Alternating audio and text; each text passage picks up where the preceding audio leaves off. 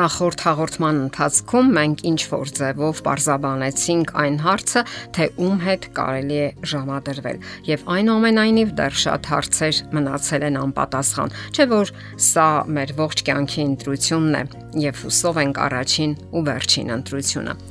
Սովորաբար ում են հravirում ժամադրության այնպիսի անznավորության, ով իրենից արժեք է ներկայացնում։ Սակայն կյանքում ստացվում է այնպես, որ անznավորության դրական որակները հաճախ չեն երևում առաջին հայացքից։ Համեստ մարդիկ սովորաբար թաքցնում են իրենց դրական հատկանիշները եւ չեն ցուցադրում։ Նրանք չեն սիրում նաեւ པարծենալ կամ ինքնագովեստով կամ ինքնագովազդով զբաղվել։ Արտակինն էլ հաճախ խափուսիկ է լինում Հնարավոր է ձեզ դուր չգա հաստակնոսներով աղջիկը կամ տղան, բարեհոգի հաստլիկը կամ էլ նիհար մեկը, սակայն հիշեք, որ ձեր ողջ հետագա կյանքում արժեքավորվելու եւ կարեւորվելու են բնավորության դրական որակները, համատեղելիության սկզբունքները, ոչ միայն արտակինը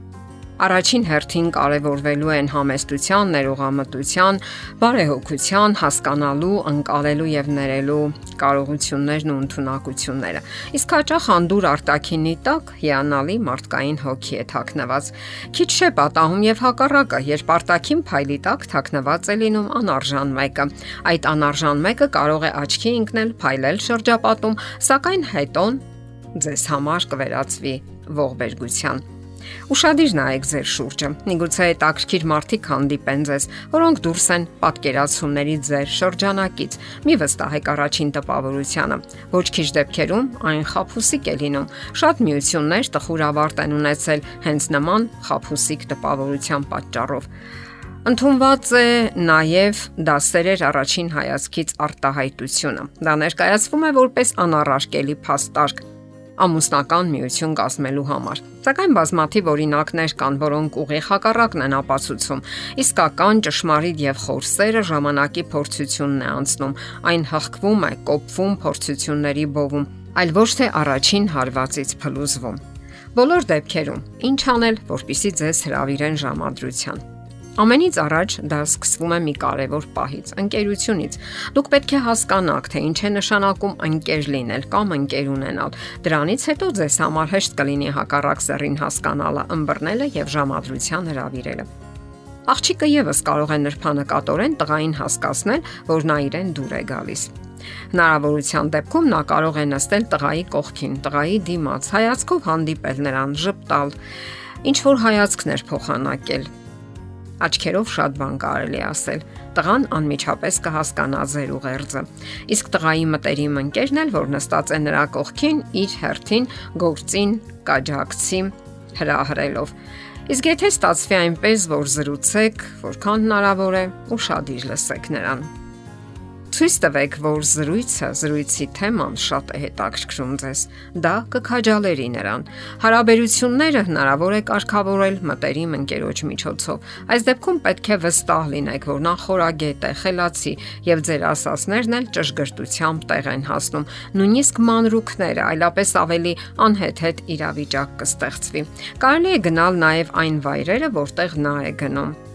Եթե նույն ուսումնական հաստատությունում եք սովորում, կարող եք նրան խնդրել, որ օգնի տնային առաջադրանքները կատարելու գործում։ Կարող եք հանդիպել մարզական միջոցառումների ժամանակ։ Հնարավոր է դուք նույն եկեղեցին եք հաճախում։ Օգտագործեք այդ հնարավորությունները։ Իսկ եթե նույն ընկերական շրջապատից եք, կարող եք ինքներդ հավաքներ կազմակերպել եւ հravirել ձեր մտերիմներին, որտեղ կլինի նաեւ նա։ Եվ դուք ավելի շատ հնարավորություն կունենաք մոտիկից ուսումնասիրելու եւ ճանաչելու ճանաչելու նրան։ Բոլոր դեպքերում հնարավոր է, որ նա ճիշտ հասկանա ձեզ, իսկ դուք այնպես արեք, որ դա կպչունություն չդիտվի։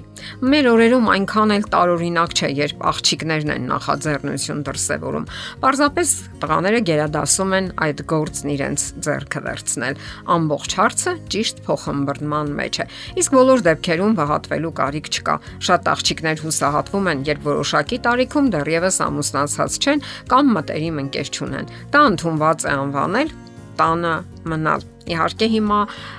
այդ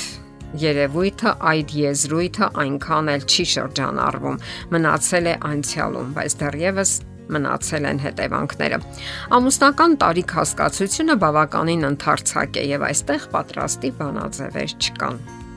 Յուրաքանչյուր մարդ ունի հոգեբանական զարգացման միայն իրեն հատուկ առանձնահատկությունները։ Ոչ մեկի օրինակը ընդունելի չէ մյուսի համար։ Ամեն մեկի համար կա իր համար ընդունելի մոտեցում։ Շտապելը կամ հապշտապ որոշումներ ընդունելը կարող է միայն սխալների պատճառ դառնալ։ Իսկ դա ձեր ողջ հետագա կյանքի ընթացքն է։ Հաճախ ավելի լավ է ամուսնությունը ուշանա, քան ճակատագրական որոշում կայացնեք։ Շատերն են հետագայում զղջում, որ շտապել են, լավ չեն ճանաչել միմյանց։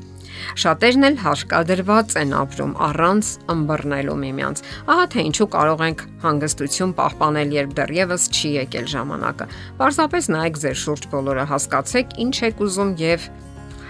ում հետ եք ուզում ապրել։ Պետք չէ երբեք սահմանափակվել առաջին պատահածով եւ ամբողջ ուժով կարճել նրանից, եթե այլ ընտրություն չկա։ Ֆրանսիացի նշանավոր գրող Բալզակի հետևյալ տողերը շատ բան են ասում կանացի հոգեբանության մասին։ Այն կարող է օգտակար լինել նաեւ մեր օրերի երիտասարդներին։ Դեռատի աղջիկները հաճախ իրենց համար ազնիվ հրապուրիչ պատկերներ են ստեղծում, ամբողջապես իդեալական ֆիգուրներ, հնարում ցնորական գաղափարներ, տղամարդկանց զգացումների հասարակության մասին, Հետո նրանք անմեղորեն մի որևէ նկարագիր օշտում են այն կատարելություններով, որ իրեն գերազել են եւ վստահում են նրան իրենց ընտրած տղամարդու մեջ նրանք սիրում են այդ երևակայական արարածին։